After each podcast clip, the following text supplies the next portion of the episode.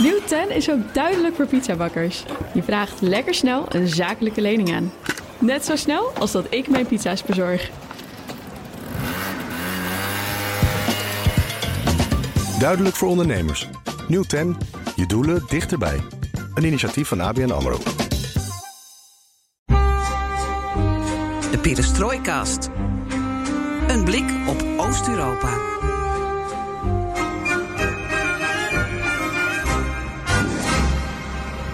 Welkom bij Perestrooi Quarantaine, een tijdelijke spin-off van de Perestrooikast en de zesde aflevering hiervan staat op punt van beginnen. Geert-Jan, we gaan het uitgebreid hebben over Tsjechië met een speciale gast. Ja, een uh, exclusief interview met de burgemeester van Praag, Zdeněk Grzyb, via Skype. En het idee was dat wij samen dat interview zouden doen. Alleen, ja, de techniek was niet helemaal onze vriend. En dus werd het een tête-à-tête. Je hebt het Mhm. natuurlijk wel uh, teruggeluisterd. En uh, Zeker. ik ben wel benieuwd uh, straks naar jouw analyse. Eh, komt die zo meteen. We houden de spanning nog even erin. Ehm, noem even kort de onderwerpen die je hebt besproken met meneer de burgemeester.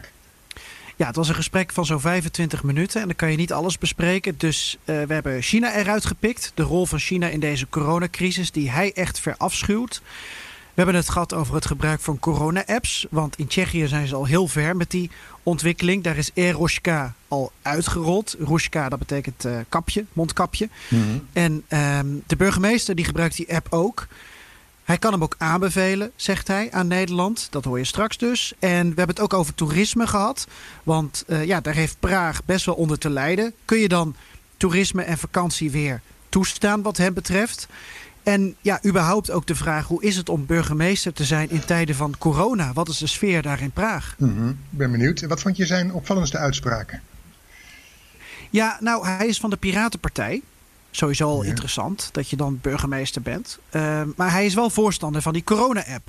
En dat had ik niet verwacht. Ik dacht, uh, als piraat ben je natuurlijk uh, heel erg eh, voor privacy en goede dataopslag. Eh, maar hij is van mening dus dat die app die nu in Tsjechië is gemaakt en in werking is getreden, dat die goed werkt en dat hij die dus kan aanbevelen.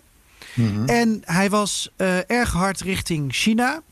Um, anders dan bijvoorbeeld de president van Tsjechië, Milos Zeman. En ja, ik heb alvast een voorproefje van hoe Grzyb over China denkt.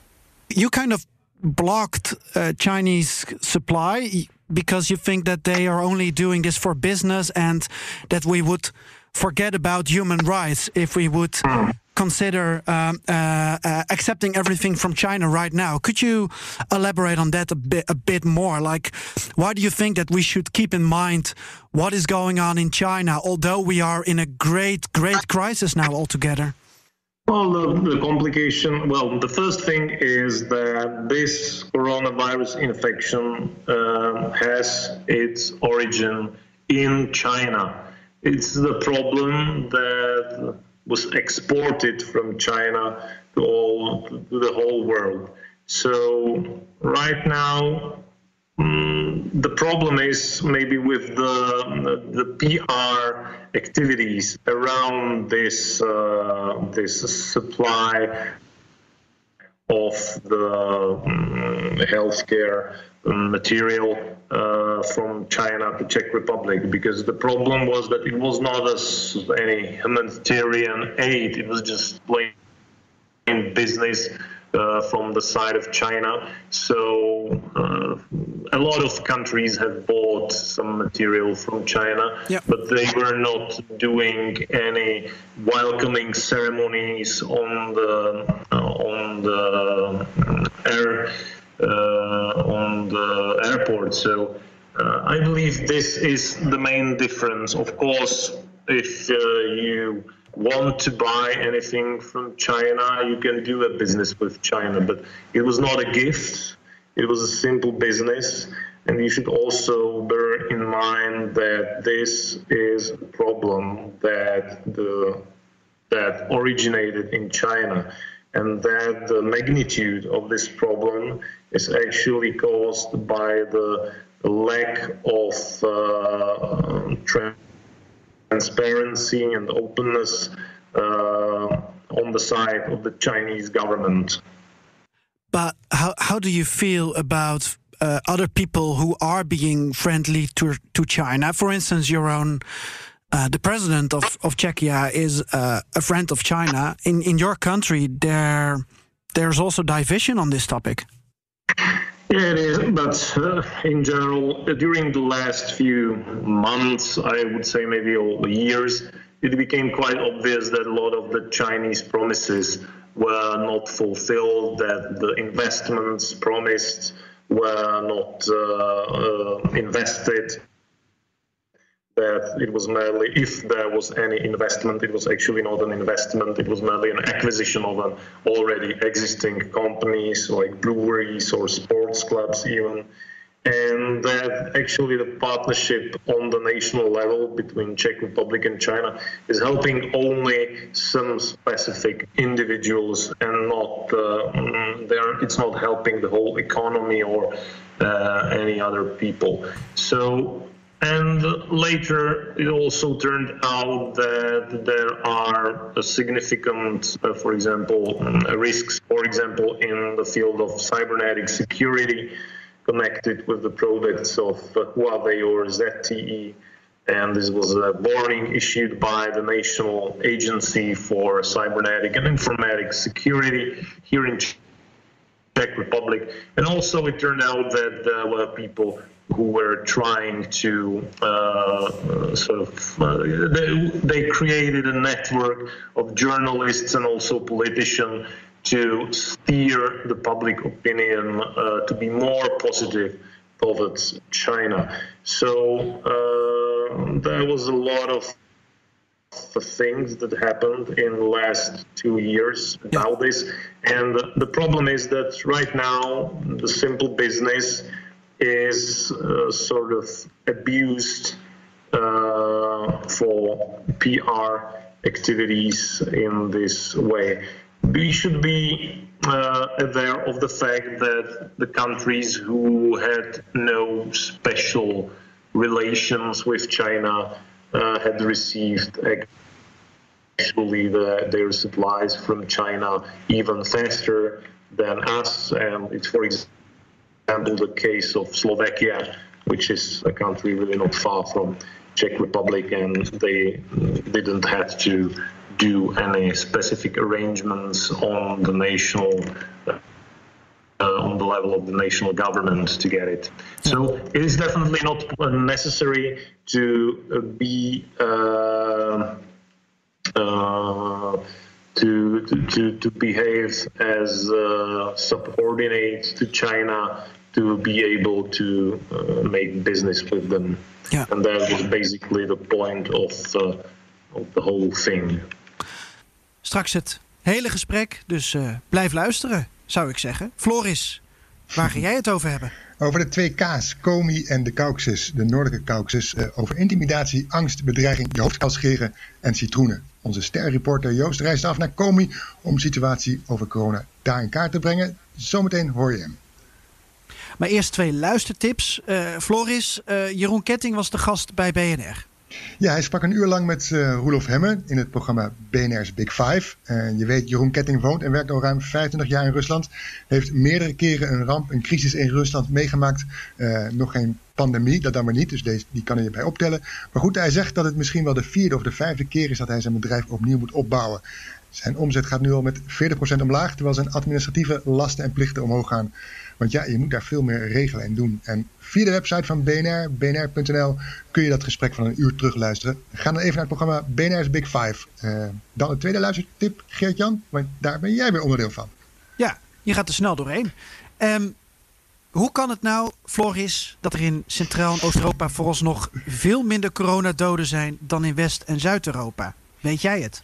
Um, ik denk dat ik het antwoord wel weet, maar um, dan oh. verklap ik het misschien al.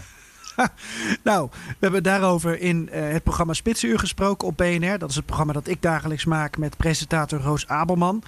En met uh, buitenlandcommentator uh, Bernard Hammelburg hebben we daar zeker 10 minuten over gesproken. En wat kwam eruit voort? Nou, wij hadden niet echt een, een, een antwoord. Want alle onderzoeken naar het coronavirus en de effecten, die lopen natuurlijk nog. Maar ja, het was wel een interessante gedachte. Een discussie die is opgestart deze week op Twitter Bijvoorbeeld door de Servische top-econoom Branko Milanovic. Vorig jaar nog benoemd als uh, honorair hoogleraar op de Madison-leerstoel uh, aan de faculteit Economie en Bedrijfskunde van de Rijksuniversiteit Groningen. Hele mond vol. Mm -hmm. En ik begrijp dat Mil Milanovic zich afvraagt waarom er zoveel meer doden in Zuid- en West-Europa, uh, West-Europese landen vallen. Als je kijkt naar het aantal mensen dat overlijdt aan corona per 1 miljoen inwoners. Ja, ja, klopt. Dan pak je de, de statistieken erbij van de Worldometer. Die kan iedereen dus ook uh, zien. En dan zie je dus dat er eerst een stuk of uh, 10 à 12 uh, westerse en, en, en, en Zuid-Europese landen zijn. En ook Noord-Europese landen die, die de kroon spannen. En dan pas komt Slovenië. En dan pas volgen de landen die wij in onze regio zoveel bespreken. Mm -hmm. Ik heb er toch wel veel vragen bij hoor. Want moeten die landen nog een piek krijgen? Zoals Rusland, Oekraïne en Centraal-Azië. Wordt er misschien minder getest? En misschien worden mensen die overlijden aan corona veel minder gemeld? Ja. ja, dat lijkt mij hele valide argumenten. Mm -hmm. uh, verder hebben we nog ter tafel gebracht verbondenheid en reislust van en binnen de regio. Yeah. generaties die wel of niet bij elkaar in huis wonen. Het dichtgooien van grenzen. de wil van, van het volk, zeg ik even, om maatregelen van autoriteiten ook te accepteren. Dus mentaliteit. Ja, dat zijn allemaal zaken die we, die we benoemden. Ja, ja, terugluisteren, hoe kan ik dat doen? Via bnr.nl, het programma Spitsuur van 23 april. En dan vanaf 2 uur en 44 minuten. Ik ben benieuwd of mensen hier zelf ook ideeën bij hebben. En dan kan je meepraten op onze Twitterpagina, Perestrooikast. En zeg... Floris, jij had er een idee bij, zei je. Ben ik toch even benieuwd. Uh, nou ja, dat idee, het is wel een beetje uh, wat ik wel vaak idee heb. Van, dat ze zijn toch minder reislustig, uh, meer gebonden aan, het, aan hun eigen grond. Wij Westerlingen willen altijd reizen naar andere landen toe, ontdekken. We verhuizen ook vaak binnen ons, in ons eigen leven van huis naar huis. Maar in Oost-Europese landen is men toch meer gebonden aan de eigen grond. En dat maakt het misschien, ja, doordat dat het virus zich minder verspreidt. Die verbondenheid en reislust waar je het over had. Ja. Ja, toch kregen landen als Tsjechië en Slovenië in eerste instantie best wel wat besmettingen voor hun kiezen, omdat er skiers terugkwamen uit Noord-Italië. Ja, nou ja ik, ik, ben ook geen specialist, dus daar heb ik ook niet 1, 2, 3 antwoord op. Maar dit is mijn boerenverstand wat dat, ja. dat eventjes verklaarde. Nee, nou met datzelfde boerenverstand hebben Bernard en ja, Roos en ik daar gisteren over gesproken. en dat zorgt in ieder geval voor discussie. En dat, mm -hmm. is, uh, dat is wel leuk. Je hoeft niet alles te weten, hè? Dat is ook helemaal niet erg volgens mij. Ik heb maar... ook niet de pretentie om alles te weten, gelukkig. Nee, dat, dat, dat weet ik. ik uh, wat dat betreft ben ik veel arroganter dan jij. Nee, klopt. hey, vertel, uh, de uithoeken van Rusland. Uh, ja, de uithoeken van Rusland. Even een coronalandje lang, rondje langs Noord-Ossetië, Tsjetsjenië en onze Joost en Komi. Wat ik al zei, dat betekent onvrede, angst, bedreigingen en een gebrek aan transparantie. We beginnen Even met... voor de mensen die het niet ja, weten, waar is Komi? Komi ligt, uh, ja, dat leg ik zo meteen nog wel uit, ja, in het noorden van Rusland, bij Moskou naar rechts, naar boven. Ah, Oké, okay. ja, dus helemaal niet in de buurt van, van deze uithoek. Van de Caucasus. nee, het is echt tegenovergesteld aan de andere kant. Ja.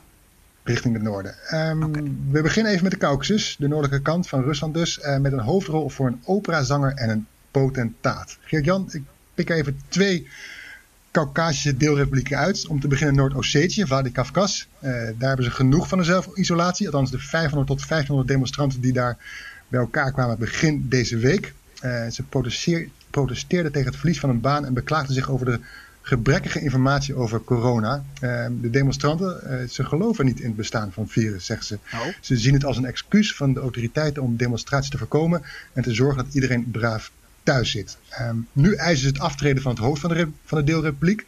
Um, die uh, blijft lekker zitten. Maar ja, zoals het in Rusland vaak gaat, uh, protesten gaan gepaard met arrestaties. Zoals ook in, dus in Vladikavkaz. Um, trouwens, Yandex houdt het aantal coronabesmettingen en doden in Rusland bij. En Noord-Ossetië telt 42, 242 besmettingen en 2 doden. Maar hoe kan dat nou als het virus niet bestaat?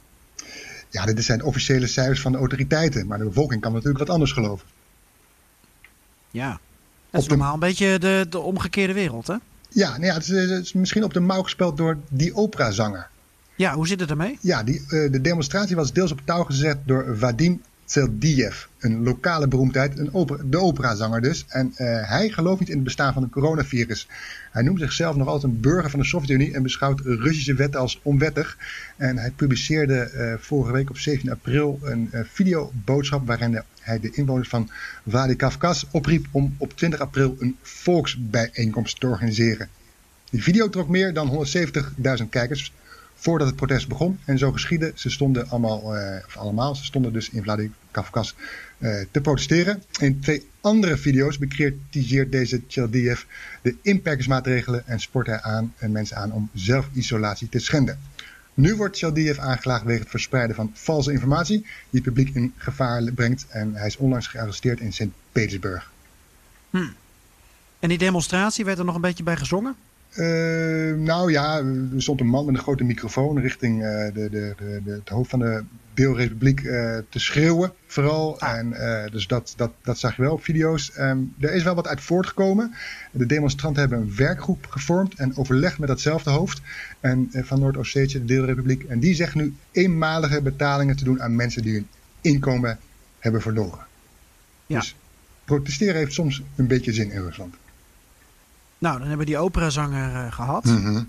uh, gaan we nu door naar de potentaat. Ja, wie zou dat toch zijn, denk jij? Ik denk die man met die baard. Ja, precies. Uh, Ramzan Kadyrov, de baas van de deelrepubliek Tsjetsjenië. daar staat de teller volgens Yandex op 347 coronabesmettingen en 6 doden. En die Kadyrov loopt tegenwoordig rond met een kaal hoofd. Assalamu alaikum. Mazeridon. Sudi Karin. Salonch. Nou, nu ben ik maar Tundera dagen och deze dan, maar leerbaar kort dan daarbij. Ja, in deze video zegt hij, al onze schoonheidssalons zijn nu gesloten, dus besloot ik mijn hoofd te scheren zoals onze voorouders dat deden. Dat zegt hij in Tsjetsjens. En ehm, hij herinnert zijn kijkers eraan dat de islam eh, mannen met geschoren hoofden verwelkomt en hij dringt er bij Tsjetsjen op aan om zijn voorbeeld te volgen. Dat vond ik een beetje gek, want in het Telegraaf las ik juist weer een bericht, voor wat het waard is, dat kale mannen met baarden, en Karadierov heeft een stevige baard, kwetsbaar zijn voor het virus. Dus uh, misschien, uh, ja, waar ligt de waarheid? Um, eerder deze maand verliep nou. Ja, wat voor bronnen uh, heb jij dan? ja, de Telegraaf, hè, dat, daar, daar vaar blind op. Ja, oké, okay, prima. Nou, ga maar door dan. ja. Eerder deze maand verwierp uh, Kadirov de zorg over het coronavirus en raadde hij mensen aan om water te drinken met citroen en honing om het immuunsysteem te versterken en knoflook te eten voor puur bloed. Hé, hey, nou, dat heb ik meer gehoord. Ook ja, in Centraal-Azië. Ja, precies. Dat, uh, nou ja, knoflook zijn ze, zijn ze dol op daar. Uh, ook als je in de metro in Moskou staat, uh, ruik je het graag van je buurman. Ja, weet je wat het voordeel dan is? Nee, ja. Dan blijf ik echt wel op twee meter afstand. Precies. Nou ja, dat heeft geen zin, want we zijn al meer dan twee meter van elkaar afstand. Maar ik snap wat je bedoelt. Ja. dan denk je, nou, die Kadirov, dat is een vriendelijke man, toch? Nou, ik weet wel beter, maar uh, in, in, in dit geval uh, uh, ja, is het wat anders. Ja, okay, nou ja, ik snap het. Tot zover gaat die vriendelijke kant. Want ehm, ja. ja. we kennen hem als de man met de ijzeren vuist, ijzeren, ijzeren hand, die het niet zo nauw neemt met mensenrechten. Dat doet hij ook tijdens deze coronacrisis. in maart zei hij: iedereen die de coronacarantaine schendt en anderen infecteert, moet met de dood worden gestraft. Nou, duidelijk. Uh, wat je ook zag op beelden, dat er agenten in, in Tsjetsjenië patrouilleerden met stokken over lege straten om zo de lockdown te handhaven. Um, even wat breder uitzoomend op Kadyrov. Het is zijn taak om, uh, vanuit het Kremlin om de opstand, om opstand en rebellie in de Caucasus te voorkomen. En daarmee drukt hij ieder verzet met de harde hand de kop in. En daar, daarvoor kan Kadyrov in Tsjetsjenië zijn eigen gang gaan. Het is een staat en een staat. En dus trekt hij ook zijn eigen coronaplan. Zo sloot hij de grenzen van Rusland, uh, zo sloot hij de grenzen van Tsjetsjenië met de rest van Rusland en bedreigde een journalist die kritisch schreef over de corona-aanpak in Tsjetsjenië. En ja, het Kremlin reageert er lauw op en floot Kadyrov niet terug. Dus uh, die denkt van, uh, ik ga lekker mijn eigen gang. Wie weet dat er nog meer gaat komen. Fascinerend. Dat, ja, zeker, zeker. maar ook, ook dat Noord-Ossetië dus toch, dat er dus toch andere gedachten over zijn dan in, in Tsjetsjenië. Ja, dat, dat, dat, het, zijn, uh, ik geloof dat alleen dat tussen Noord-Ossetië en uh, tussen Noord-Ossetië en Tsjetsjenië ligt alleen nog Ingushetie tussen. Ja, uh, ja het, kan, het, het, is, het kan zo per grens kan het veranderen, ja. ja. De deelrepubliek. Ehm, dus ook in, de, in Komi, hè, van de noordelijke Caucasus, gaan we recht naar boven en dan nog een tikkeltje naar rechts. Dan kom je daaruit. Um, Joost was daar op pad voor coronareportages voor het AD en het FD. En we spraken hem over wat hij daar aantrof. Joost, waarom ben je juist naar Komi afgereisd? Komi is op uh, twee uh, uh, of drie na de meest besmette regio van Rusland. En dat lijkt opmerkelijk, want uh, het is ver van Moskou, zo'n 1300 kilometer ten noordoosten van de Russische hoofdstad. Het is uh, dus erg afgelegen en het is ook heel dun bevolkt. Er wonen niet meer dan 800.000 mensen. Maar het is begonnen vanuit de ziekenhuizen in, in, in de regio. Uh, de dochter van, de, van een chirurg kwam terug uit Europa met het coronavirus onder de leden. Heeft het waarschijnlijk niet geweten.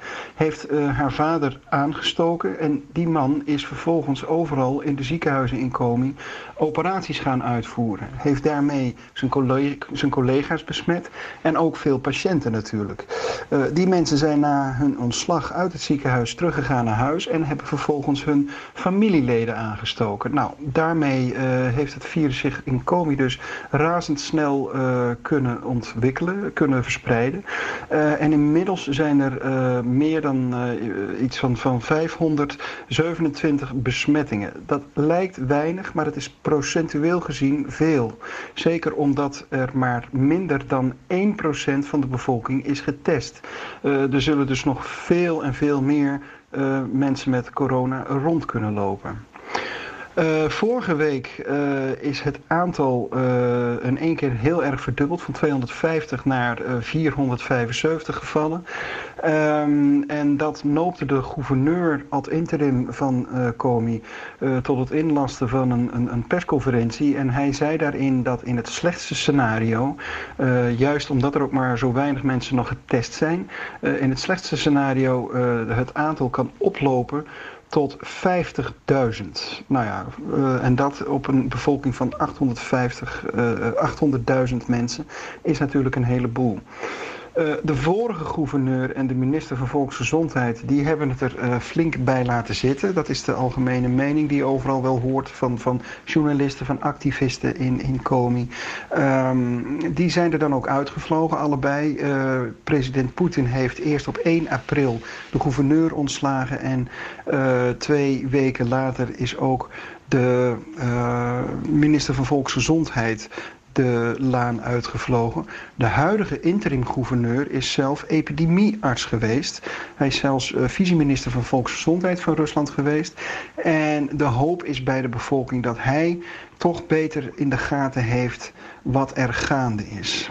Verder is uh, ja, de republiek in quarantaine officieel. Uh, er rijden politieauto's door de straten um, van Syktyvkar, de hoofdstad, uh, die oproepen om mensen binnen te blijven. De straten zijn tamelijk uitgestorven, maar toch hier en daar zie je toch nog wel mensen lopen. er wordt dus niet echt heel erg streng aan de, de, de maatregelen gehouden. vandaag zag ik op straat ook agenten die mensen aan het uh, aanhouden waren. Uh, vroegen van waarom bent u op straat? En als ze geen goed verhaal hadden, dan kregen ze ook een boete. Mm -hmm. En wat viel je daar nou op? Wat opvalt in Comi is dat activisten en journalisten, onafhankelijke journalisten zelf, heel actief op zoek zijn naar cijfers en gevallen van corona. Uh, volgens de officiële getallen zijn er nog maar drie doden gevallen. Uh, ik meen tot op de dag van vandaag. Maar een lokale journalist uh, zei tegen me dat, dat er minimaal 20 moeten zijn. Nogmaals, dat lijkt klein bier, maar in vergelijking met het aantal mensen dat er woont in, in, in de Republiek en het onbekende aantal dat misschien al besmet is, ja, geeft dat toch een ander beeld. Wat ook opvalt is dat er onder de artsen een uitgesproken angstcultuur heerst. Uh, hoofdartsen willen niet praten en als ze dat al doen dan uh, schermen, ja, dan schermen ze de autoriteiten af door te zeggen dat alles onder controle is. Um, een van de artsen die wel wat wilde zeggen tegen me, uh, een gepensioneerde arts, um, die dat alleen maar anoniem wilde doen, die zei er iedereen is bang. Want we worden door de hoofdartsen gewaarschuwd dat als we met de media praten, we ontslagen worden. Nou ja, dat is dus de dreiging die die mensen boven het hoofd hangt. En daarom willen ze gewoon niet praten met journalisten. Wel zeiden de artsen met wie we hebben gesproken dat er aan middelen genoeg is in de ziekenhuizen. Dat wil zeggen, beschermingsmateriaal is er. Er zijn maskers, handschoenen, voldoende uh, beschermende pakken en zelfs uh, beademingsapparatuur zou er voldoende zijn. Dat is vrij opvallend, want als je ziet hoe de ziekenhuizen, zeker buiten de hoofdstad Siktivkar, eruit zien, dan uh, word je daar niet vrolijk van. Die zijn erg vervallen, zijn erg oud en het lijkt alsof er sinds de Sovjet-tijd nooit meer iets aan gedaan is. Je kunt je bijna niet voorstellen dat het er binnen uh, veel beter uitziet en, en, en dat er überhaupt mensen verpleegd kunnen worden. Maar goed, ze zeiden dus, uh, het is er allemaal wel. Alleen zeiden ze er ook allemaal bij, voorlopig. Dus we weten niet uh, wat er gebeurt als er echt een epidemie toeslaat in de deelrepubliek Komi. als het echt tot die 50.000 gaat oplopen, dan zou de situatie misschien wel veel nijpender kunnen worden in de ziekenhuizen.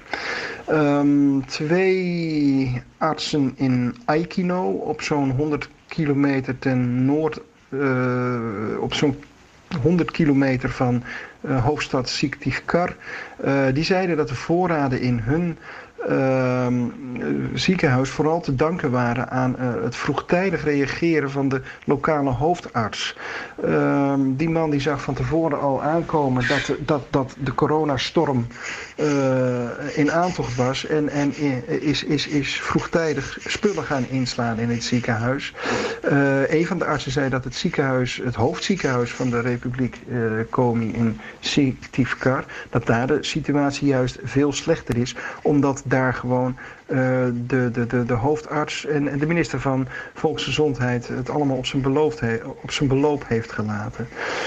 Nou, ik heb uh, een interview aangevraagd met de gouverneur van Komi al in Moskou. Maar zijn persdienst liet twee dagen voor mijn vertrek naar Komi weten dat we maar beter in Moskou konden blijven vanwege de verslechterende toestand in de deelrepubliek. Een activist uh, met wie ik heb gesproken zei, nou ja, dat is alleen maar gedaan omdat ze hier geen buitenlandse journalisten willen hebben. Geen pottenkijkers dus. Dankjewel Joost. We horen je graag weer terug als moppetapper. Ja, Kwami hè, is het nu. Zeg je? Van Komi naar Kwami. Kwami? Wat is Kwami? Ja, verleden tijd. Hij was in Komi. Ah, dus ja, ja. Oké, oké, oké, oké. Ja. Ander humor. nee, alsof we die moppen van Joost snappen. Uh, die snap ik überhaupt niet. Dan zit ik nog steeds op de kou, de laatste. Oké. Okay. Uh, aha, dan het, uh, ja, Geert-Jan, het grand dessert van deze perestrooi-quarantaine. Je wist de burgemeester van Praag te strikken voor een interview. En uh, je vroeg me wat me opviel aan het interview. Dat is toch inderdaad de forse ja. kritiek die je uit op China. Dat hoor je niet vaak binnen de EU.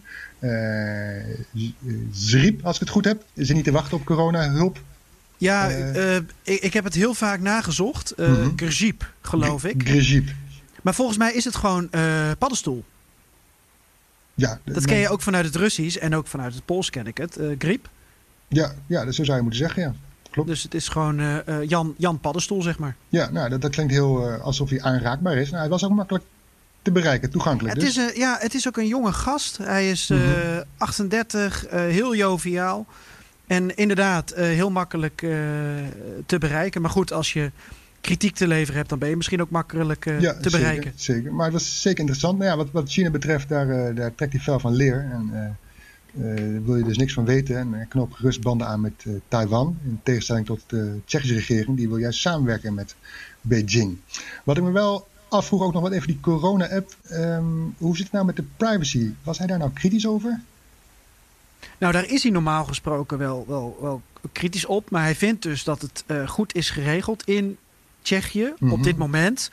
Hij geeft dus aan, en dat zullen we straks in het interview horen, dat um, er, er, ligt nu natuurlijk een soort basis hè, van die app. Mm -hmm. Maar zodra er upgrades komen, dan moet je oppassen, zegt hij. Dan moet je echt goed kijken naar uh, de richtlijnen.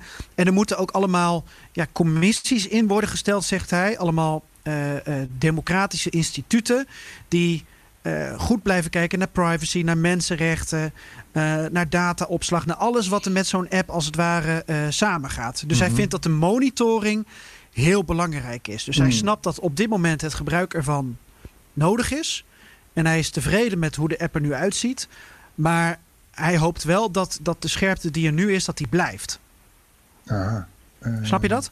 Ja, dat snap ik. Uh, wij zouden daar wel wat van kunnen leren als, als Hollanders, toch? We lopen zo te knoeien met die app. Ja, ja zeker. Dat, hij beveelt uh, deze app uh, aan. Mhm. Hij zegt dat kunnen jullie in Nederland ook wel gebruiken. Maar goed, ja. hij is ook verbaasd over dat wij nog geen mondkapjes hebben en zij wel. Dus ja, ja. zo zijn er meer uh, verschillen.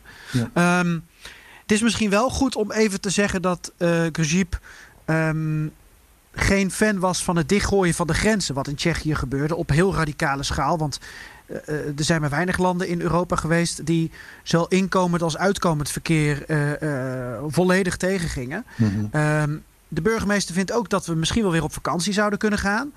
En het lijkt wel alsof er naar hem is geluisterd. Want uh, zojuist is bekend geworden dat de bewegingsvrijheid van mensen uh, weer wat toeneemt daar. En dat Tsjechen hun land weer mogen verlaten. Ja, de, de, de burgemeester die het voortouw neemt eigenlijk. Uh, nou nee, dit is landelijke, ja, landelijke overheid mm -hmm. nu. Mm -hmm. maar hij had inderdaad in dat aangeroerd. interview mm -hmm. al aangeroerd inderdaad. Ja, ja. ja, ja. dus voor vakantie.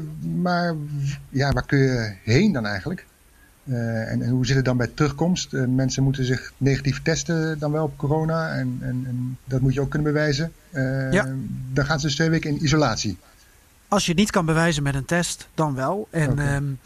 Ja, er worden nu allerlei bondjes bedacht. Hè? Ik weet niet of je Wie is de Mol wel eens hebt gezien. Maar Nee. um, dan, dan maken mensen bondjes. Oftewel hè, bonden, samenwerkingsverbanden. Ja. Um, allianties. En uh, Bondje is een beetje een, een, een, een, een beetje wie is de mol jargon geworden. Maar goed, het komt erop neer. Tsjechië wil bijvoorbeeld wel een bondje met Kroatië. Ja. Want uh, Tsjechen houden van de Adriatische kust en dan willen ze een corridor. Hmm. Uh, en, en de Slowaken willen ze er misschien ook wel bij betrekken. Maar ja, wie wil er nou niet naar Kroatië? Dus uh, wat als iemand anders nou een bondje met Kroatië wil? Of Kroatië wil zelf een bondje met een land met veel meer inwoners. Um, of bijvoorbeeld met Oostenrijk, hè, als Oostenrijkers Mhm. mm -hmm. meer, uh, meer geld te spenderen hebben. Mm -hmm. um, er wordt ook over gesproken door de Baltische Staten om, Ja, uh, bondjes te sluiten. Ja. Dus ja, um, er wordt weer stiekem nagedacht over uh, coronavakantie en coronazones. Hm. Nou ja, ik ben benieuwd uh, wat voor bonden we in Oost-Europa nog meer gaan zien dan. Ja. Visegradlanden, ja. Nou ja, het is allemaal onderdeel van het uh, gesprek met de burgemeester Ja. van Praag. Praag is natuurlijk ook een toeristische stad, heeft hier flink economisch onder te lijden. Het interview ging in het Engels. En zoals gezegd, de burgemeester die komt tot ons via Skype. Dus af en toe zit er een hapering op de lijn. Desalniettemin zeg ik, there we go, ajeto. Mr. Mayor, thank you for, for having me. I'm very curious how you are doing right now over there in Prague. Are you healthy? Is your family healthy? Well, yes. Uh, well, the situation had somewhat settled after the few crisis uh, weeks at the very beginning, and now things are running smooth. And the main focus nowadays is uh, how to deal with the economic restrictions that are imposed by the central government. I mean, the closed restaurants, the impact that is caused by the lack of tourists in the city, and so on. What's it like to be a mayor, to, to run a city in times of corona, of COVID 19? Well, I have to say, although of course mm, this crisis is definitely hard for for all of us, but I have to say that uh, there are also uh, some sort of positive aspects because, well, for me, I'm a deep optimist, so I always try to find something something positive of, on all the things that happen around.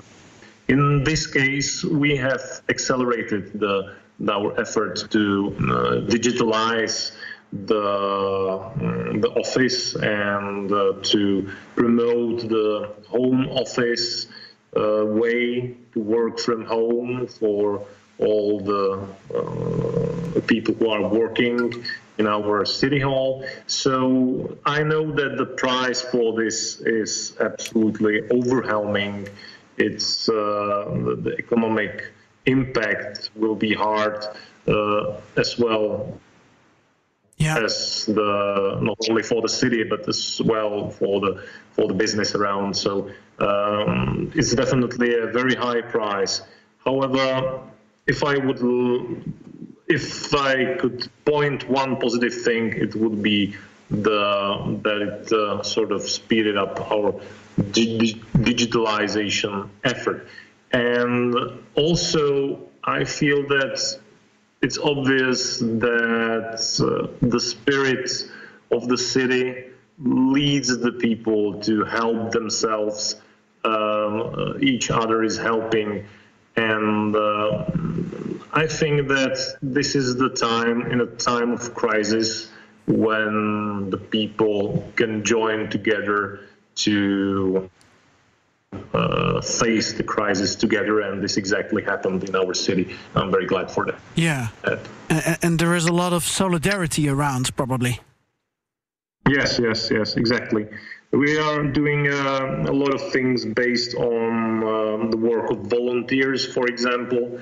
Uh, the thing is that when we impose the obligatory face masks, uh, there was a lack of them on the market. It was not possible to buy them in shops or in pharmacies. But the people, uh, the people were helping each other, and they were sewing the face masks uh, for from the cotton, not the disposable ones, but the uh, reusable ones. Um, and they were giving them to their neighbors or their friends or just people uh, going uh, on the street uh, without the face masks. So yes, a lot, a lot of solidarity you uh, could have seen uh, at that days. Yeah in in the Netherlands there is a, a, a, division between regulations from that come from the national government and some additional measures that uh, a, a, mayor um, can can take uh, against the spread of coronavirus. How is that in in Czechia and uh, for you in Prague? What kind of decisions are up to you, like like imposing the masks? Is that something that you can decide for the city of Prague only? Yes, um, exactly. Um, we had started with the obligatory face masks in the city since uh, the 16th of March. And we had somewhat pushed the government towards this on the national level. And therefore, on the 18th of March, they imposed the face masks on the central level uh, for the whole country. But we were the first city in Europe, not only in Czech Republic, but also in Europe, who had the obligation for the people who wear the face masks. First, it was only in the public transport, mm-hmm. but then we have extended it to all uh, public interiors, uh, the, the, the, public space that are inside the buildings. And the government then extended it to the whole country and uh, also outside we um, public spaces. Uh, we have a few discussions going on in our country, and one of them is if we have to wear the masks because uh, we still don't have any obligation. And if I look outside, then almost no one is wearing a mask. Are you surprised that there are still big cities like Amsterdam or other European cities where it's not obliged to, to wear a mask? Well, yes, I am sort of surprised because, for example, we are building here on the experience from the countries in Asia. I mean, for example, Taiwan, who had shown an excellent job uh, when fighting the coronavirus. And it's very, very common in Taiwan that you wear a face mask, so they're wearing them now as well. And uh, I think that the most uh, the most complicated thing was actually to decide that people should wear the face masks by obligation, and the police will check if they do so. Yeah. But there was a lack of the face masks on the market, and it was not possible to buy them.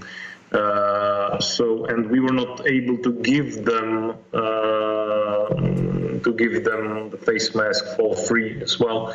So uh, this was probably the hardest decision, but I believe that uh, the, in the context of Czech Republic, as you probably know, we are a sort of post-communist country. Yeah. So these situations when the people were left for somewhat do-it-yourself solutions were quite common in the previous years. So uh, the people the people know how to handle this situation, and I think that is maybe one of the reasons why there is a difference between Czech Republic and the Netherlands. Yeah, be- because there was a movement, right, that started a campaign led by Czech citizens, like, um, uh, uh, well, kind of led by Peter Ludwig, um, who I think is in, in the States right now, I'm not sure. But, um, um, and, and it, for some reason, this campaign resulted in, in making masks mandatory in just three days.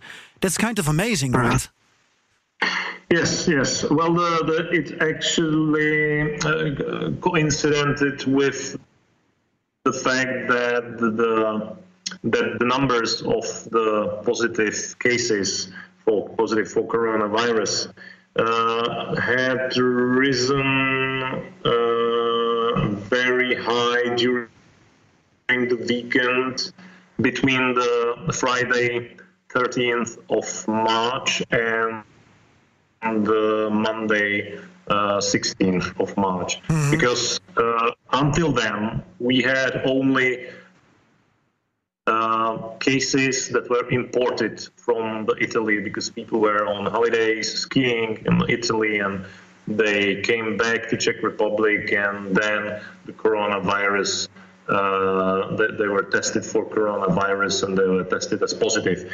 And these cases, it was like a dozen each day, and uh, it looked like uh, that the, um, the governmental uh, anti-epidemics um, office has got it under control.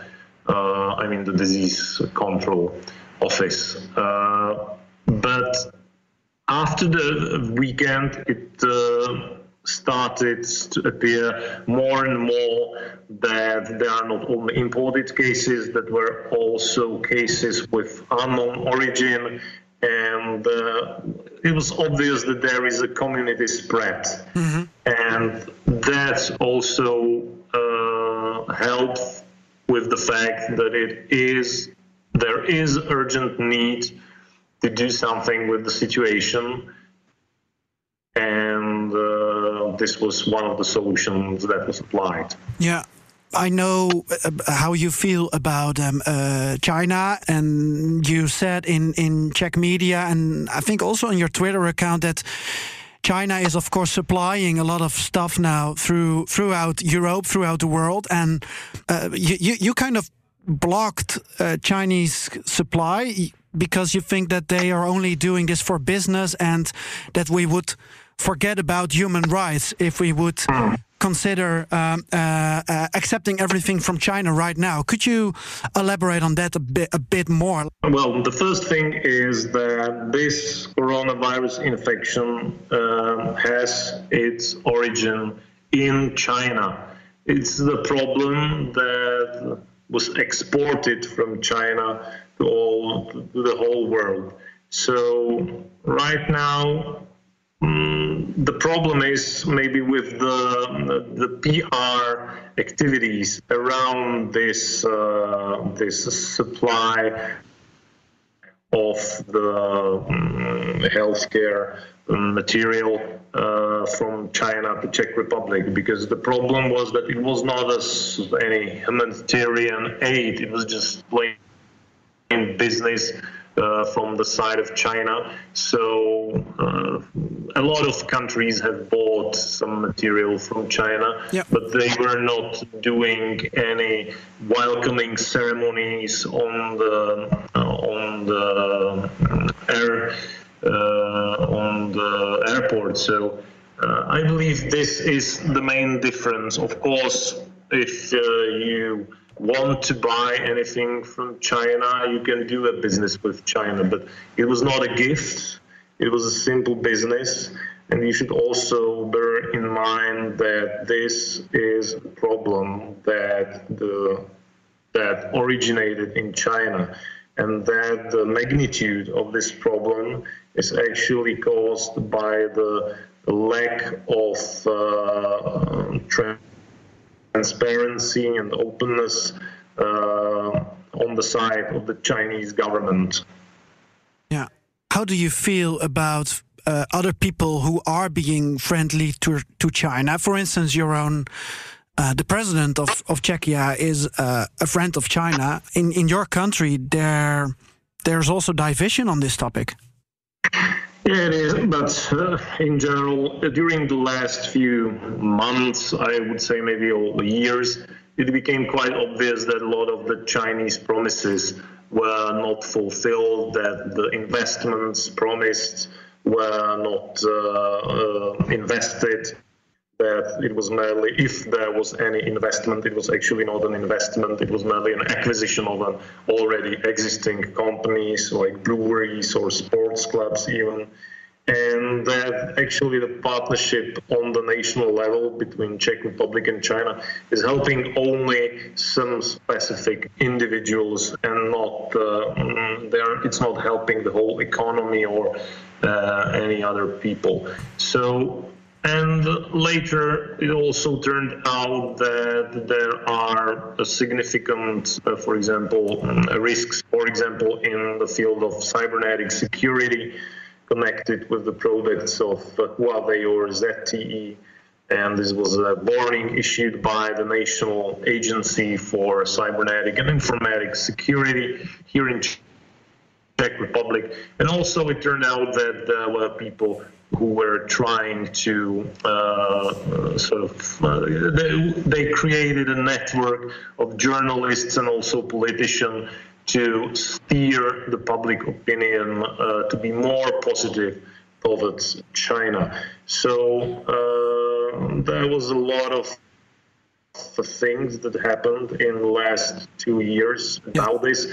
And the problem is that right now, the simple business is uh, sort of abused uh, for PR activities in this way.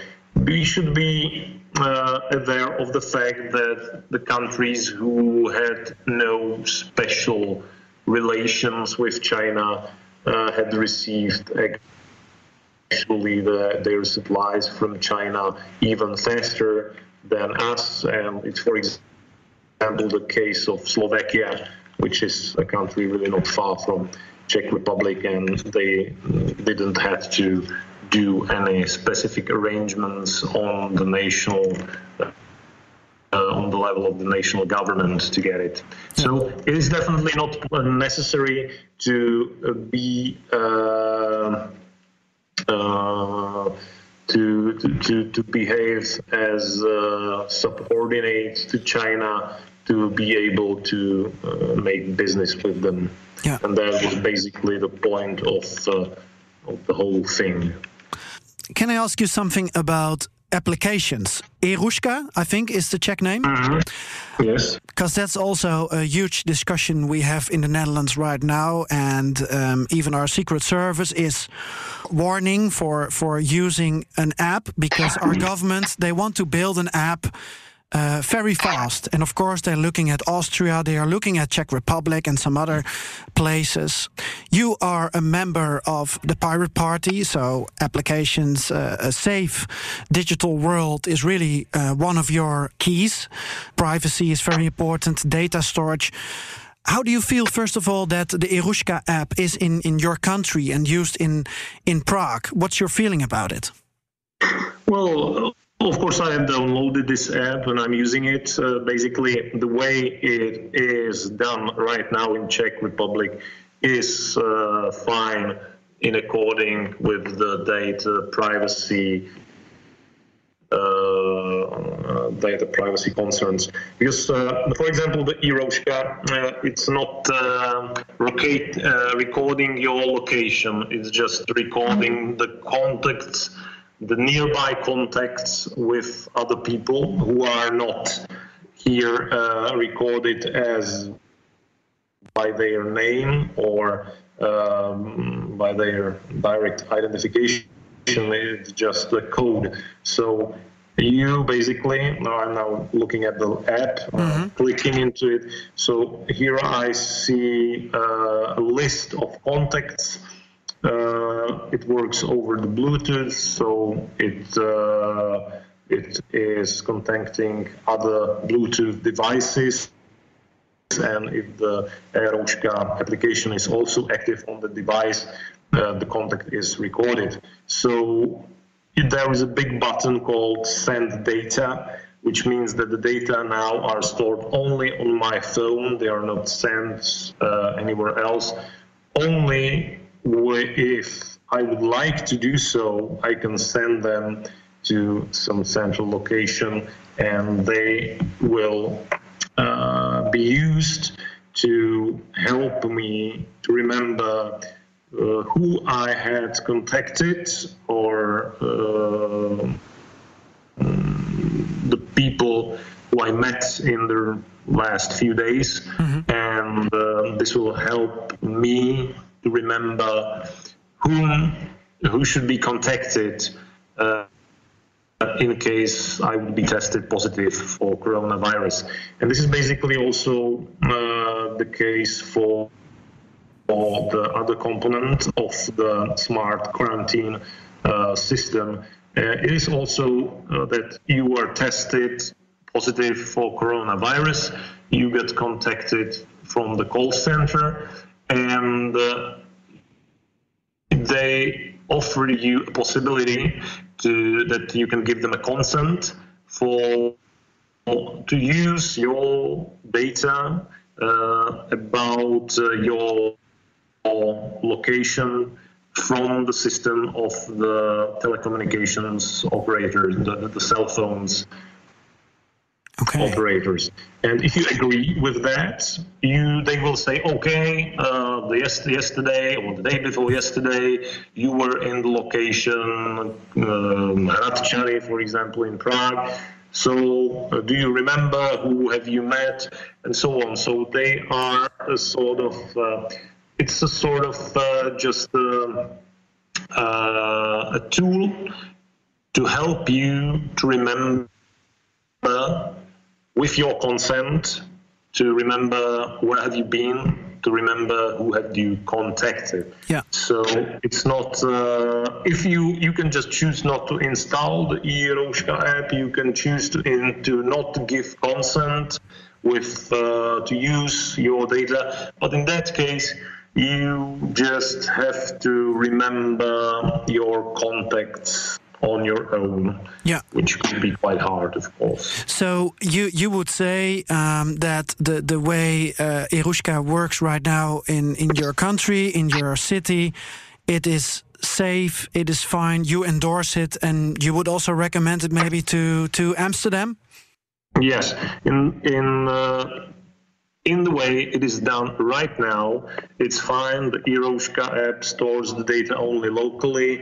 It is sent only if you wish so, if the user wish so. So the user controls the data. And also in the case of the other component of the smart quarantine, the user controls uh, through his consent uh, if the data should be used or should not be used. But the problem, so I would definitely recommend this uh, way uh, to use it also elsewhere. But the problem is that you, you have to be aware of the fact that such a system uh, could be somewhat uh, upgraded in the future, and you have to be aware of the upgrades. So the system has to be under constant uh, control yeah. of the um, democratic bodies. For example, in our case, it's a committee of uh, the parliament, and uh, there are also an independent uh, audit,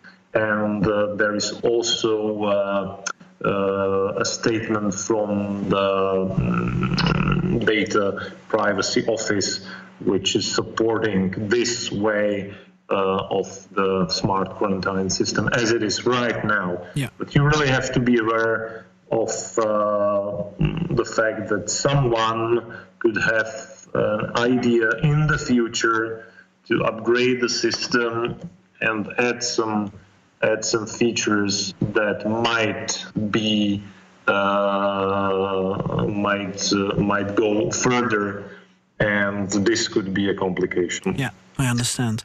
Uh, uh, do we have time for one final question, Mr. Mayor? Sure. Uh, about a discussion in your country, and that discussion is coming up in our country as well about summer holiday.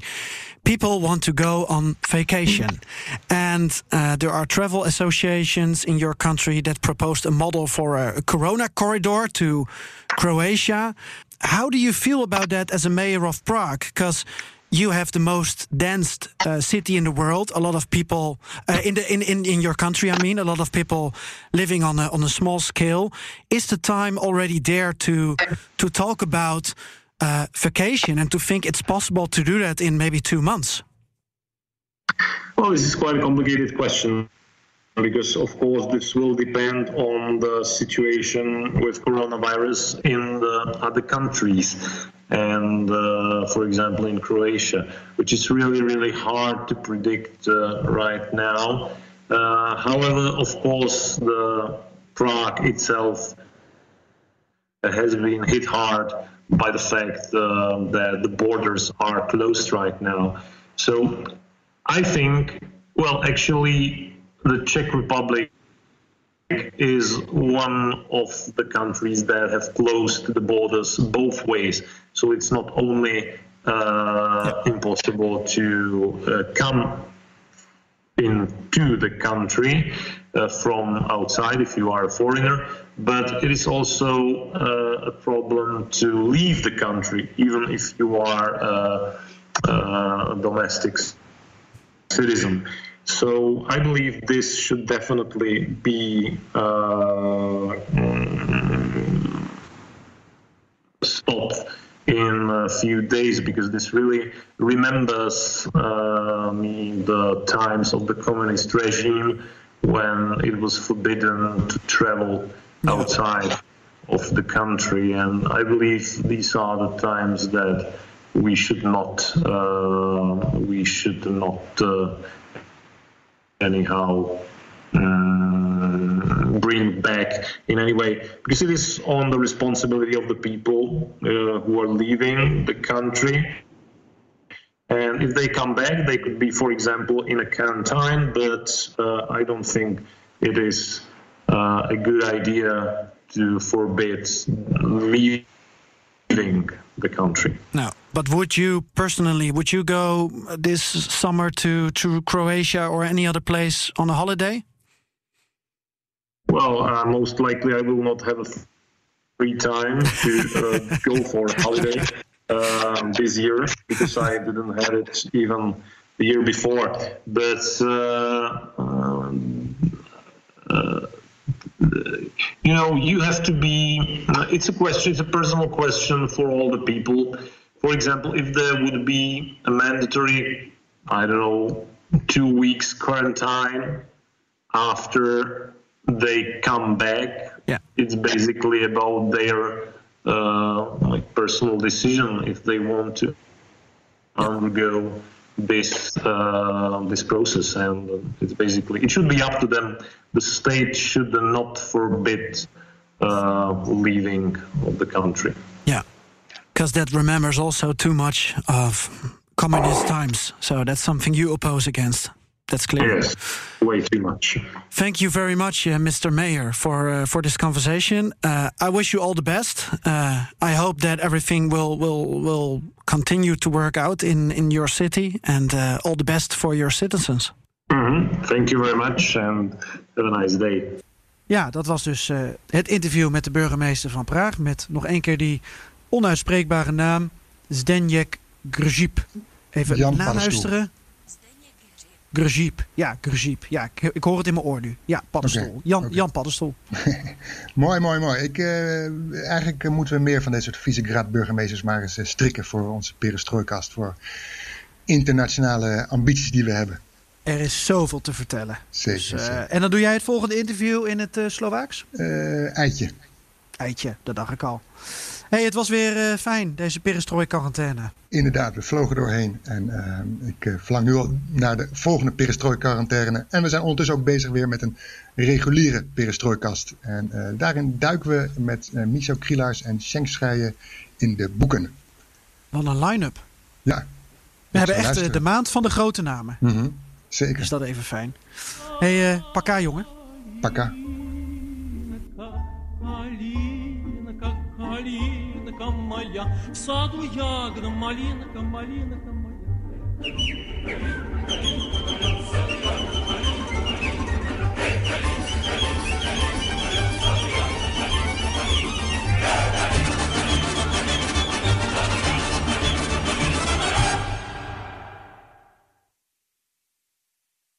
Nieuw 10 is ook duidelijk voor pizzabakkers. Je vraagt lekker snel een zakelijke lening aan.